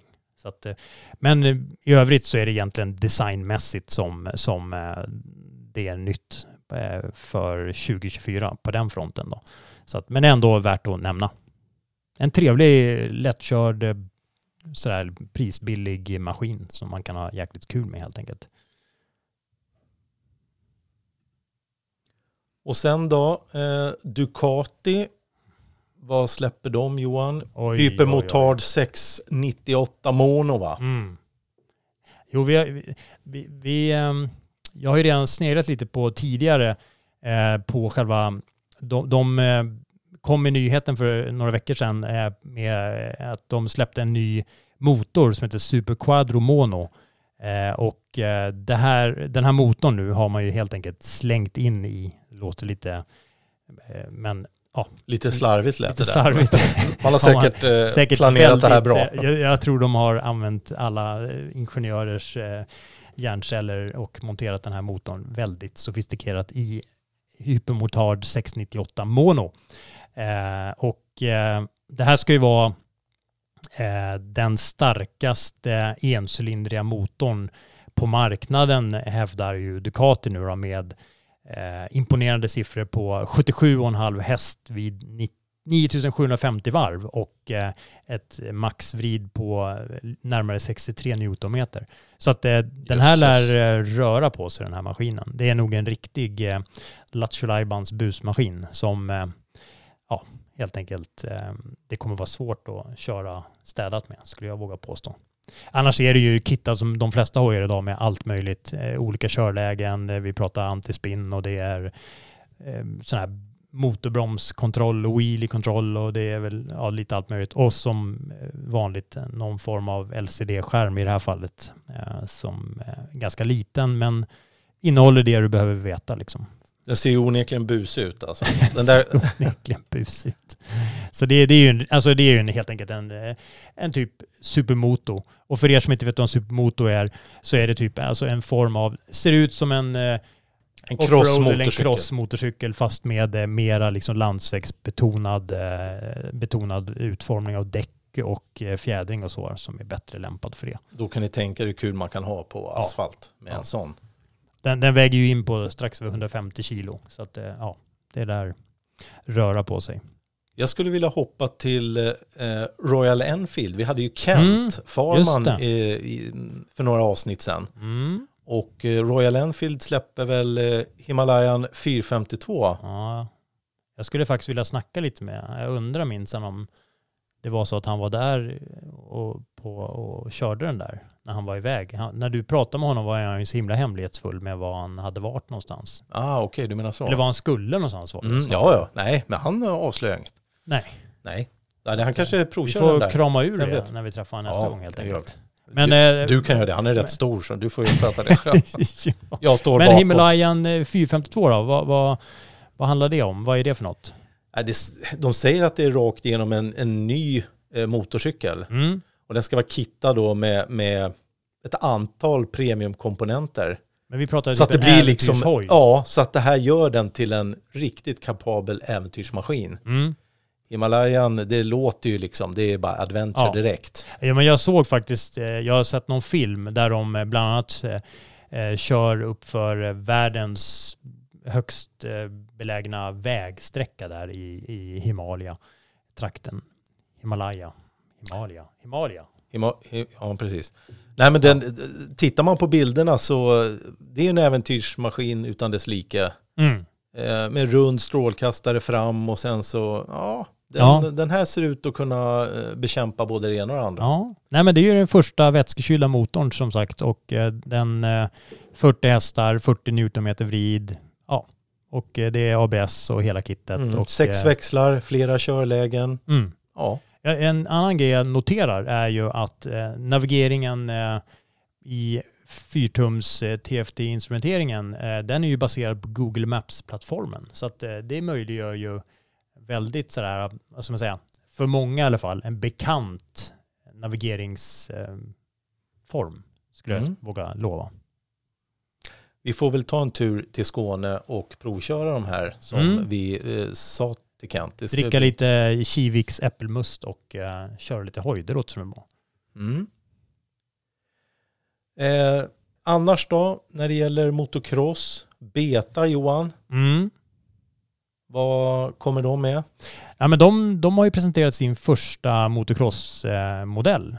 Eh, så ehm, på hemmaplan i Italien så har ju den italienska tillverkaren då helt enkelt eh, en ny fyrtakts, eh, en 450 kubikare eh, som man har utvecklat i samarbete med sitt officiella MXGP-team, alltså helt enkelt motocross-VM-teamet. Och ehm, precis som massa landsvägshojar nu så är ju den här också med olika körprogram då, egentligen två stycken, wet and dry då, då där man eh, ja, helt enkelt anpassar eh, gasrespons och lite sånt efter vad man tycker kanske lämpar sig bäst för underlaget. Och ehm, eh, den ska ha fått en ny bakram i aluminium, mm. speciellt designad för motocross. Ja, till skillnad mot enduromodellerna då. Och det är just inom enduro som de har haft stora framgångar, som vi hörde bland annat här på Gotland bland annat. Ja, Johan, vi glömde ju en sak när vi pratade om Yamaha. De mm. har väl en eh, modell till här. Tenere ja, 700 de har ju Explore. släppt eh, ett gäng olika, det är MT-modeller och allt möjligt sådär. Men om vi väljer ut lite modeller som vi highlightar så är det ju kanske deras eh, Tenere 700 Explore som är eh, ja, helt enkelt som förstärker den redan eh, stora eh, Tenere-modellfamiljen så att säga. Eh, och eh, den här har ju fått lite lägre sadelhöjd, eh, fortfarande ganska hög om man ska vara ärlig. Eh, den är ju på 860 mm, men också fått eh, vad man säger ökad komfort och bekvämlighet som gör att Tenere 700 Explore då ska vara, ehm, ja, helt enkelt, de kallar det för att det är, den är utformad för att eh, göra det enklare för alla att eh, helt enkelt ut utforska världen kan man kalla det. Onekligen ser det ut som så också. Ja, den är ju kittad och klar. Eh, till exempel så, så kommer den ju i standardutförande med eh, hållare för sidoväskor. Det är standard. Det är skönt tycker jag. Det är, det är en bra grej. Eh, och eh, det kubfjädringssystemet har ju fått lite kortare fjädringsväg, 20 mm kortare eh, till förmån då för lägre sadelhöjd. Eh, och eh, ja, det ska ju också göra självklart att maskinen blir lite smidigare i, i låg hastighet. Då, då. Sen, har, sen har den ett högre och bredare kåpglas också som standard. Mm, så den precis. är, den är lite, lite mer kittad Ja, så, som precis. du sa. Ja, men det är lite mer långfärds sådär lite. Men annars är det ju som de andra. Det sitter quick shifter på plats och eh, lite allt möjligt. Eh, så att, nej men en, en redo, släng på ett par väskor på den här bara så är den ju liksom, åk jorden runt. Så att jag, jag tycker jag gillar den. Den kommer ju i en, en färg som, en grafik som de kallas tech camo. Men eh, jag, jag, jag, eh, den ser väldigt nätt och fin ut. Så att det, jag tror den är riktigt kul som samtidigt eh, du kan åka bekvämt på längre sträckor. Så att en, en rolig kombo. Ja, Johan, som du sa så, så tar vi ju här lite axplock. Det har ju kommit bra mycket mer modeller Mm. än så här. Men, Ja. men om vi glider in på Honda då, Johan. Mm. Ja, men där har vi ju ett antal, en hel uppsjö av uppdateringar. Vi pratar till exempel eh, nakenmodellen eh, CB650R som eh, tillsammans med CBR 650R uppdateras och med lite ny färg och lite annat. Men där den stora nyheten är att båda de två kommer med så kallade e-clutch som tillval.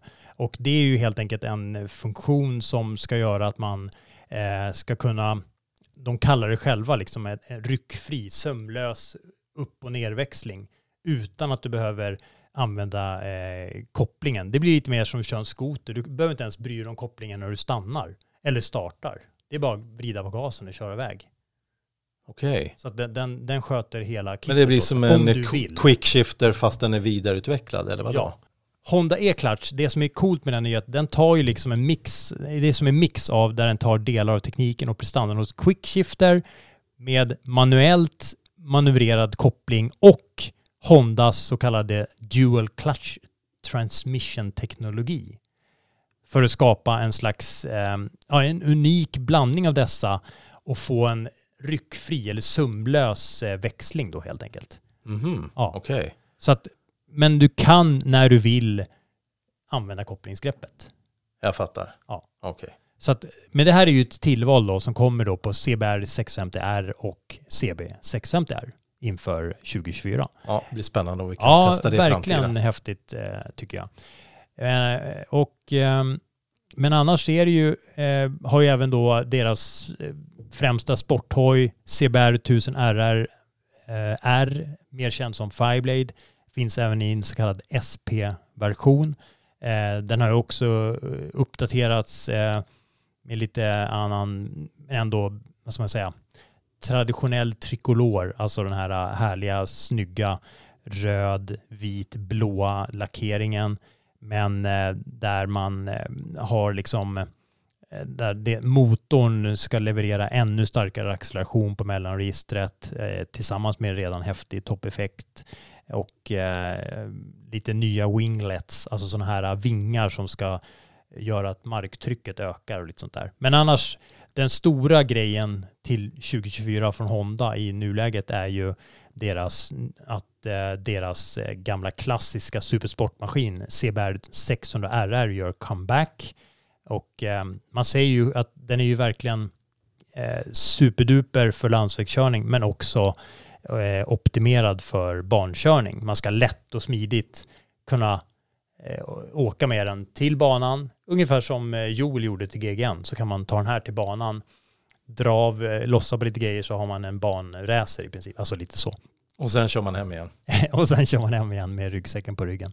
Men, Nej, eh, coola, coola maskiner de här. De ser ju onekligen... Ja, alltså vi pratar en fyrcylindrig radmotor som producerar 89 kilowatt som bäst. Eh, vi har allt det här man brukar snacka om. Det är slirkoppling och det är quickshifter och, och hela kittet. Eh, man, man eh, ja, så det är, det är mycket saker som är hämtade från MotoGP-racingen. Eh, de är ju fullsmetade, precis som den här då med wheelie-kontroll och allt, allt, allt. Eh, riktigt cool eh, sporthoj eh, för dig som inte vill ha liksom en 1000 kubikare. Men sen har ju även vi fått påfyllning eh, med både CB500 och CB1000 Hornet. Eh, förra året så kom ju eh, CB750 Hornet. Eh, men nu har man alltså utökat Hornet-segmentet, så att familjen. Familjen, med en 500 och en Nu har vi 1000. fler getingar på stan. Och Okej. det är ju, ja. Så att eh, där liksom medan 500 är en eh, perfekt A2-maskin, instegsmaskin eller för vem som helst som vill ha en bra, smidig, lättkörd hoj att kanske, vad vet jag, pendla med eller bara ha nice med på helger och lediga stunder, så är ju CB1000 Hornet en hoj som, som man själva säger, ska höja spänningen till max. Eh, där motorn är ju Fireblades radmotor och eh, där man då har anpassat den för den här typen av körning då som det här är, tänkt för. Men vi, vi, vi pratar fortfarande häftiga prestanda. Så att det är en riktig busmaskin. Ja, sen är det mer avklätt. Det här är utan kåpor kan man ju säga. Ja. Det är mera nakenhoj. Rakt upp eh, och bara njuta av att ha fartvinden i. Och eh, Micke, jag vet att du har kollat lite på en annan sån nakenmodell på två hjul. En orange sådan. Ja, du tänker på KTM 990 Duke då. Mm. Eh, den tvåcylindriga radmotorn på 947 kubik då, som ska uppges leverera 123 friska kusar Mm. Och 103 newtonmeter vridmoment som bäst.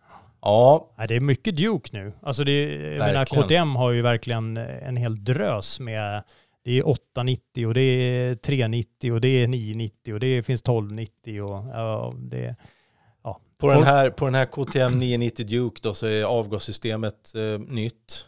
Mm. Eh, kylaren är ny, bredare, vilket ska ge förbättrat flöde. Mm. Den har DRL-strålkastare som ökar och minskar nu automatiskt sin intensitet Ja. beroende på yttre förutsättningar. ja, för att synas bättre helt Ja. enkelt dagtid då, då kan man Sen, säga. sen har strålkastaren någon sån här följ mig hem-funktion och förbli tänd ett tag. så, att, så att det ser ut som att den, den kollar att du kommer hem. Mm, okej. Sen stängs den av. Mm. Det Ja, är men lite det- mysigt när man går ut i Ja, garaget ja, så visst. det lyser det fortfarande en stund inne sådär. Precis. Ja, du går in och vänder så fort och går ut igen. Ja. Ja, jag fattar. Men den har fem körlägen. Det är ju liksom, ja, hela det tekniska spektrat. Mm. Och du i trackläge så kan föraren välja mellan tio nivåer av traction control och fem nivåer av whe- wheelie control. Mm. Ja, men jag menar, vad Då kan man skräddarsy helt Ja, ja, efter hur man visst. själv vill såklart.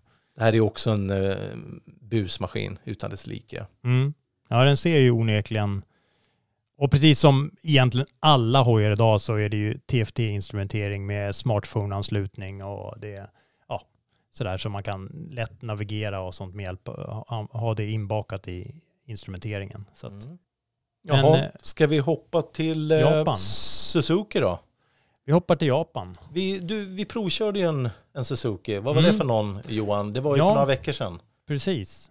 Eller Ja, tiden går så fort. Ja, det var nog längre än så. Men, men eh, eh, jo, men det stämmer. Eh, och nu har ju en, eh, den fått sällskap i sin familj. Och det, den vi körde var ju G6 8S, eh, nakenmodellen från Suzuki.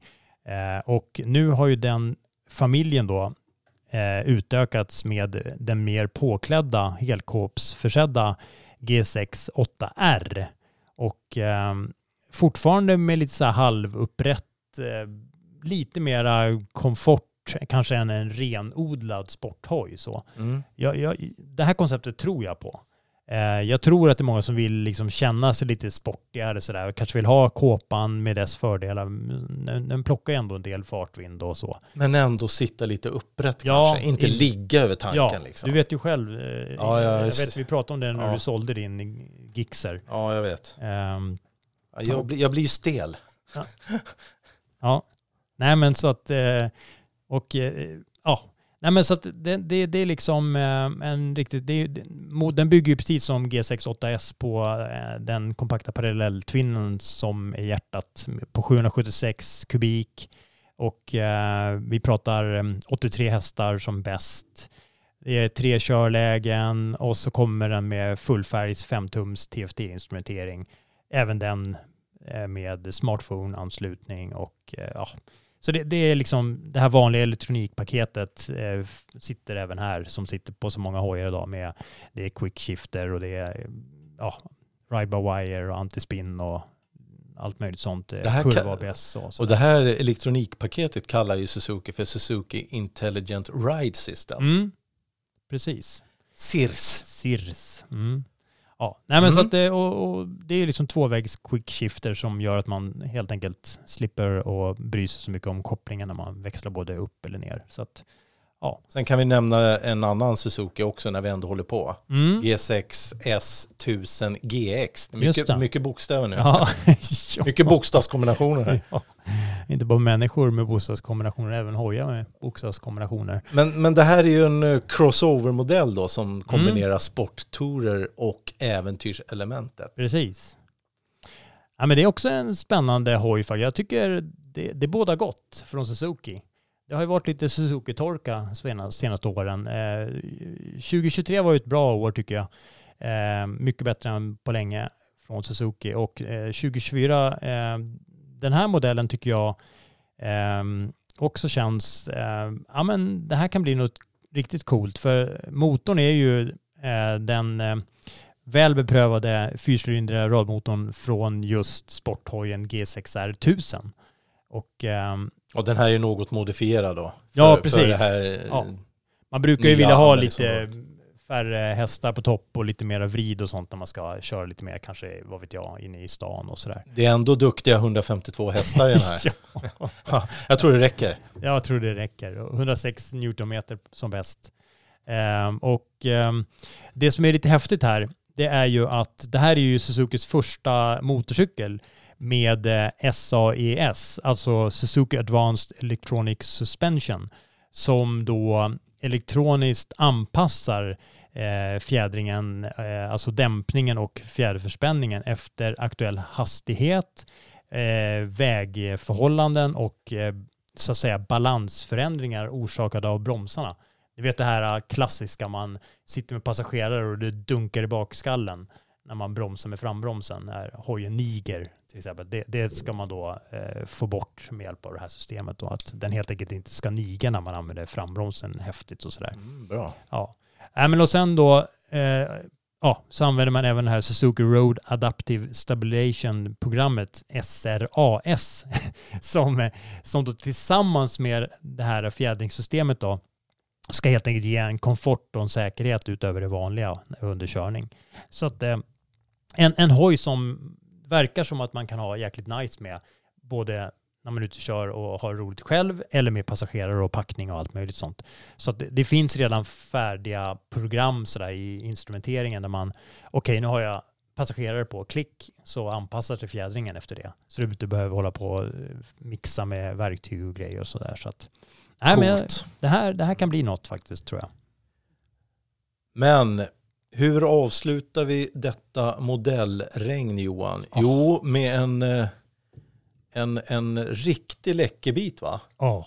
Det, alltså, jag kan säga så här, många av de här hojarna vi har nämnt, många av hojarna vi har provkört har ju fallit den i smaken på ett eller annat sätt. Mm. Men den här Johan, den vet jag inte, den blev du riktigt sugen på. Ja. Och vad pratar vi för något? MV Augusta. Vi pratar eh, att jag kanske måste göra ett väldigt snabbt uttag från banken.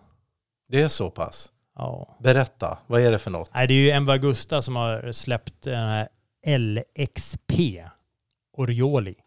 Och eh, ehm, det är ju helt enkelt en eh, specialversion som kommer att tillverkas bara i 500 enheter och eh, där varje exemplar är numrerad och signerad av rallylegendaren Eddie Orioli.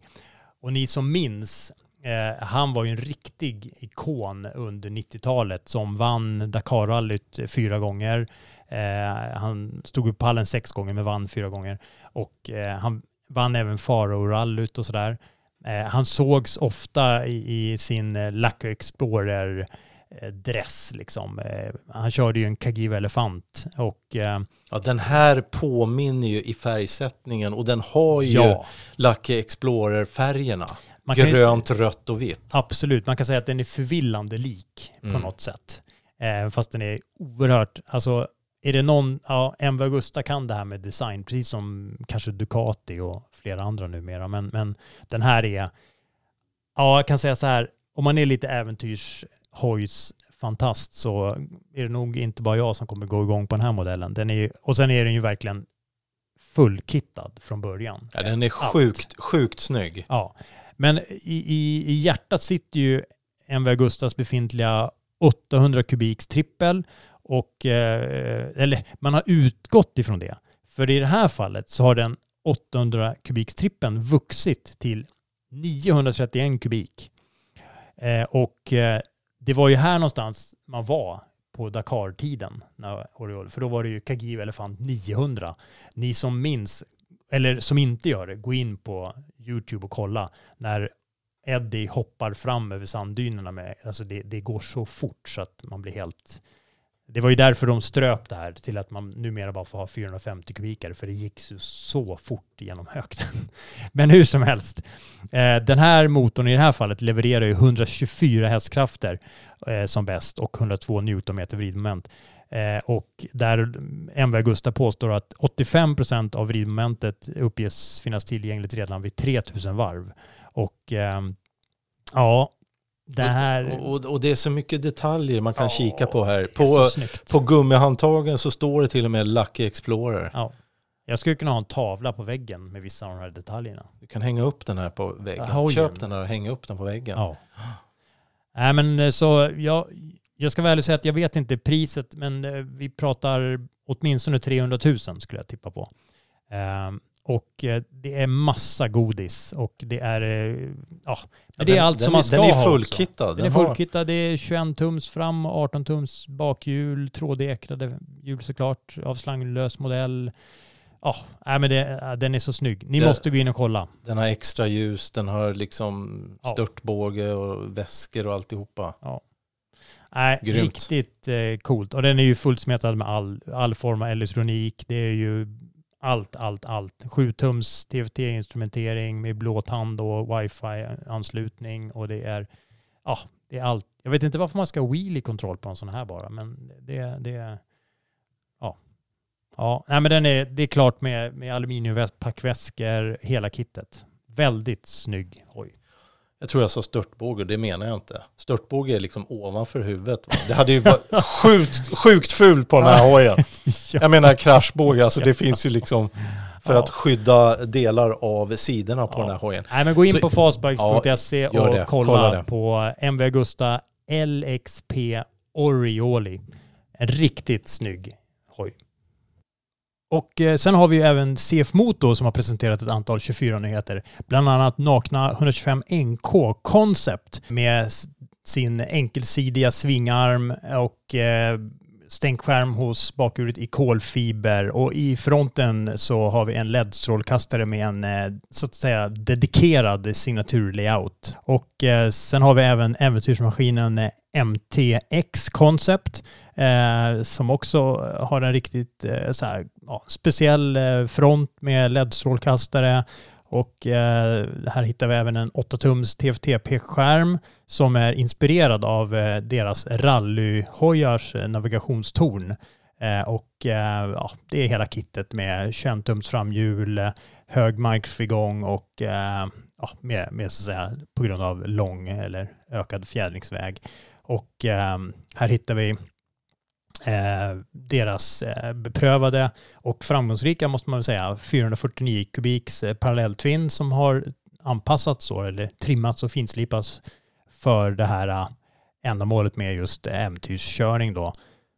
Och eh, som motorn uppges leverera 32,5 kilowatt vid 8500 varv och 44 newtonmeter som bäst vid 6250 varv per minut.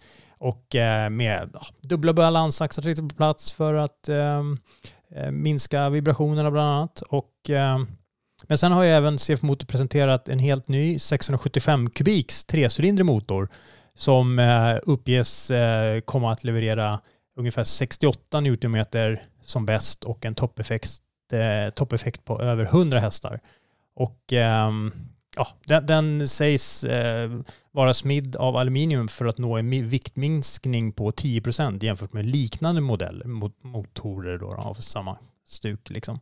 Och um, de hävdar att den väger 55 kilo. Och eh, sen har vi även deras eh, mest kraftfulla nakenmodell den är liksom rakt igenom med massa godbitar från däck till bromsar, justerbar fjädring, slip-on avgassystemet, högt placerade fotpinnar, sänkt styre, eh, massa CNC-bearbetade delar och ja, eh, allt på den här modellen NK GP då, då är eh, raceorienterat. Då, då.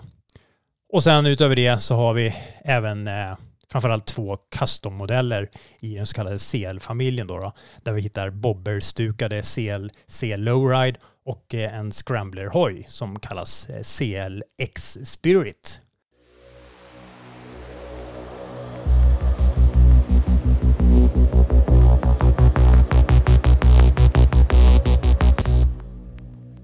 Men Micke, som en övrig nyhet som jag tycker är lite intressant, och inte bara lite utan väldigt intressant, det är ju det här att... Men ändå eh, inte förvånande. Nej, det är det ju egentligen inte. Men det är ju nej. Sveriges motorcyklister, SMC. Eh, och för er som inte vet vad det är så är det ju det helt enkelt den eh, organisationen som kämpar och eh, jobbar för oss motorcyklister gentemot politiker och en slags lobbyistverksamhet och ja, gör väldigt mycket bra. Så om du inte redan är så rekommenderar jag dig varmt att bli medlem av SMC eller i Sveriges motorcyklister. Men hur som helst så har ju de tillsammans med massa andra eh, liknande organisationer runt om i världen gjort en test där man har testat eh, olika färdmedel eh, för att pendla helt enkelt från sitt hem in i city. Och eh, föga förvånande för, kanske. Att, för att kolla vilket som är snabbast. Ja. Och vilket som dessutom är mest kostnadseffektivt. Ja. Så man har ju testat eh, motorcykel mot bil. Eh, mot kommunala medel. Kommunala medel från olika platser runt om i, i Europa och så. Och, och eh, i det här fallet i Sverige då i Göteborg och Stockholmstrakten. Så jag tänker att eh, vi, vi tar och ringer till eh, eh, Jesper, Jesper Kristersen som är generalsekreterare på SMC som får berätta lite mer om hela den här grejen. Ja, hej, det är Jesper, dansken på SMC. hej Jesper. Hej Jesper. Det här är MC-podden, Johan och Micke som ringer. Hur står det till? Ja men gud vad, gud vad häftigt. Ja, jo, jag, jag, tänkte att eh, vi, vi, skulle jättegärna vilja prata med dig lite grann om eh, de här uh, glädjande resultaten eh, från eh, ja, det här testet där man helt enkelt har kört olika eh, färdmedel i, i city och kommit fram till att föga förvånande ska jag väl säga i mitt fall, jag tyckte väl så i alla fall, att motorcykel är det snabbaste och effektivaste färdmedlet i city. Exakt. Ja, men det kanske var så enkelt, det var för det var jag som körde MC'n. Ja. alltså, ja. så, så enkelt tror jag inte det var. Ja. Øhm, nej, men alltså det vi, det vi ville, det var ju att vi ville, øh, vi ville kolla, och, och det har vi gjort över stora delar i Europa faktiskt, øh, höjåkarna, øh, MC-organisationerna. Och det vi ville, det var att vi ville, vi ville fram till att vad vi själv tycker. Uh, och det är att MC är, är den smidigaste lösningen på att ta sig fram uh, när, man, när man pendlar till och från jobb. När man typiskt bor i, uh, ja, vad ska man säga, i periferin av stan. Mm. Och, och det vi gjorde, det var att vi, eh, vi sa, ja men okej, vi, eh, vi väljer eh, typ Saltis, eh, Saltsjöbaden. Och, eh, och så sa vi, ja men okej, man jobbar in vid, vid typ TV4 och, och, och ratten som ligger där inne. Så det var liksom, det var sträckningen och, och den är ju intressant vid det att, att det finns flera olika sätt att ta sig dit eh, färdmässigt. Men det, det finns en annan del också, det är ju att det är bussfiler på, eh, på rutten. Mm. Som är Ehm. godkända för MC att köra i, ja. Exakt, ja. Ja. Och, och det vi sa, det var att, eh, vad heter det, vi, vi beslutade att vi, eh, vi gör som folk gör dagligen. Eh, så det vill säga att, att vi följer trafikreglerna eh, så gott som det går. Och, ehm, och så stod vi där ute på, på, på den här adress eh, eh, ute i Saltis och en eh, sprang iväg och skulle ta med, med buss och tåg, eh, publiktransport. Och det är han ganska erfaren med. Och så hade vi en, eh, en annan kollega som, eh, som körde bil eh, och hon, hon är känd för att, vara, att ha en tung högerfot. Ehm, och, och sen var det jag på, eh, på höjder. Ja. Och eh, vad heter det? Så där satt vi iväg och jag tror vi körde 7.30 på morgonen. Mm. Och, eh, och så var det bara att kasta ut i, i trafikmyllret. Och eh, jag måste ju säga, det är ju lyx att köra MC med, med Nacka kommun som kompis. Som har sagt att eh, här är MC okej i bussfilen. Mm. Och det, och det känns ju direkt att, att du kör där, det känns safe. eh, Det är ju inte så jättemycket bussar som kör där egentligen, så, så man har fritt fram. Mm. Så istället för att ligga och filtrera eh, eller, eller, eller köra mellan bilarna eh, så, så känns det ju, ja, det är en, en underbar känsla faktiskt. Mm. Jo, men och, och, sen det- på andra ställen kör ju väldigt mycket motorcyklar, eh, vi kan kalla det olagligen i alla fall i bussfiler, för att de tycker att det är värt det, i och med att det är, som du säger, det är ju säkrare. Men, men här är ju, det är ju en skön känsla att kunna köra i en bussfil där det är okej, så att säga. Jag förstår det. Ja, ja men precis. Alltså i, i ärlighetens namn så är det ju så att, att vad ska jag säga, vi ser ju, vi ser ju tvåhjulingar som kör, man, man kör som i Paris, det vill säga du, eller Rom, du kör där var det är fritt. Eh, men, men, men här kunde vi liksom följa reglerna hela vägen. Mm. Ehm, och sen eh, så valde jag på, eh, på höjen att köra, vad ska jag säga, de fina nya tunnlar eh, hela vägen ut där. Och eh, så för min del var det lite mellan bilarna eh, runt, runt tunnlarna där, men, men inget, eh, inget hokus pokus annat än jag var absolut inte ensam MC där. Mm. Ehm, och det, det som var, var ja, men jag kände ju på mig att det hade gått väldigt smidigt för min del att, Mm. att köra där. Så jag var framme på eh, 27 minuter och eh, vad ska jag säga, min, min raske kollega i sin stora Audi, det, eh, det tog 40 minuter så var hon på plats då. Ja. Ehm, Det är rätt stor skillnad. och ja, det var en ganska, jag måste säga en imponerande stor skillnad. Ehm, och, och då ska man ju så ta med också att, att hon hade inget stryl med, med att hitta parkering, för den del tog vi faktiskt inte med. Mm. Ehm, men hade hon skulle det, där hade, där hade det varit även bättre i MCns favör. Just det. Och väldigt, och väldigt överraskande så måste jag säga att om, om vi nu säger bilen tog 40 minuter så gick det 23 minuter extra och då kom Johan springande med, med, med blå flås från, eh, från tunnelbanestationen. Ja. Så, så eh, väldigt överraskande så var, var offentlig transport var extremt dåligt, det måste jag säga. Mm. Jag var Men- faktiskt men, men hade, hade han några förseningar eller flöt det på i, Nej, det, i den nej. kommunala trafiken? allt, allt, var, allt var straight fram, eh, som han sa. Ja, men han hade kört bussfil, han hade kommit smidigt på tunnelbanan, så och så. Men, men som han sa, det tar bara tid. Eh, att ta sig från, från buss till tunnelbana och, och liksom, du ska gå på stationerna, du, där är gåsträckningar så och så. Så, ehm, och tittar vi på, på ehm, det är så nästa del, så tittede vi på kostnadsbilderna också. Eh, øh, vi har inte räknat parkering in, men vi, vi har endast tagit liksom vad, hvad det kostede. Øh, eh, inte med avskrivning på MC eller bil eller nogen, men, men liksom cash up. Eh, øh, och jag använde, vad vi räknade ut, jag använde 2 euro och 16 eh, till bensin. Eh, bilen, den gick på 9 euro. Och buss tog vi ett, eh, där var det 3,37 euro. Så man kan säga att, att eh, alltså MC'n var suveränt billigst också. Mm. Så, så det var ett eh, det var ganska imponerande resultat. Mm. Och så kan man säga, det här det var, det var Stockholm. Ja. Det vi såg i Göteborg, det var att eh, i Göteborg där var MC'n även bättre. Alltså den gick snabbare fram.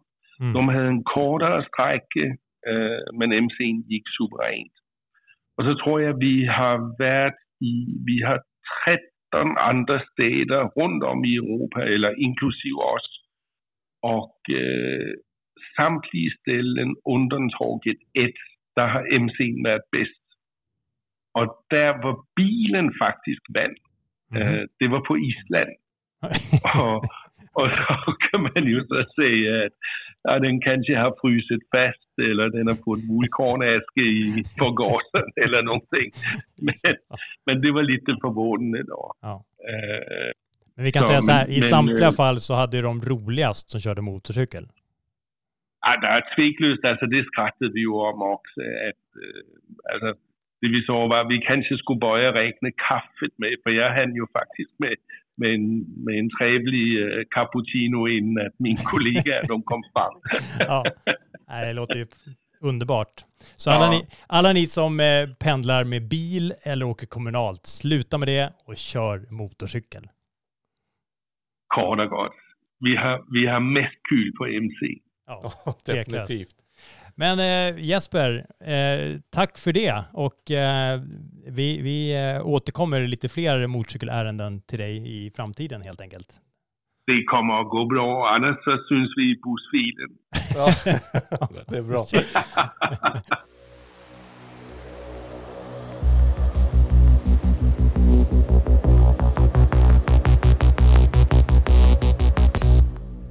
Ja, då är det väl dags att tacka för oss Johan. Mm. I alla fall för idag. Allt roligt har ett slut. Ja. Mm. Och eh, vi uppskattar att ni hör av er på våra sociala medier. Att ni följer oss där. Och ni får gärna skicka in som vi har sagt tidigare. Och vad har vi för mailadress? Det är ju redax at mcpodden.se som gäller. Redax med X på slutet. Så, Precis. Annars är det ju våra sociala medier som du pratade om redan. Eh, Facebook och Instagram med mc-podden där. Så, ja. Blir vi Men- glada. Men tills eh, nästa ehm, avsnitt, ta det lugnt i mörkret. Kör snyggt. Kör snyggt ni som kör. Tack för mig. Tack ska ni ha. Hej. Hej.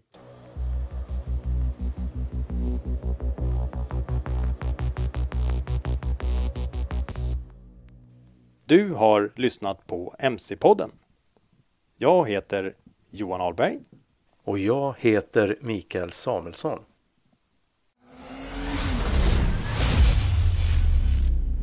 MC-podden. Hey, it's Danny Pellegrino from Everything Iconic. Ready to upgrade your style game without blowing your budget? Check out Quince. They've got all the good stuff shirts and polos, activewear, and fine leather goods, all at 50 to 80% less than other high end brands. And the best part? They're all about safe, ethical, and responsible manufacturing. Get that luxury vibe without the luxury price tag. Hit up quince.com slash upgrade for free shipping and 365 day returns on your next order. That's quince.com slash upgrade. Imagine the softest sheets you've ever felt. Now imagine them getting even softer over time. That's what you'll feel with Bowl and Branch's organic cotton sheets. In a recent customer survey, 96% replied that Bowl and Branch sheets get softer with every wash. Start getting your best night's sleep in these sheets that get softer and softer for years to come. Try their sheets with a 30-night guarantee. Plus, get 15% off your first order at bowlandbranch.com. Code BUTTERY. Exclusions apply. See site for details.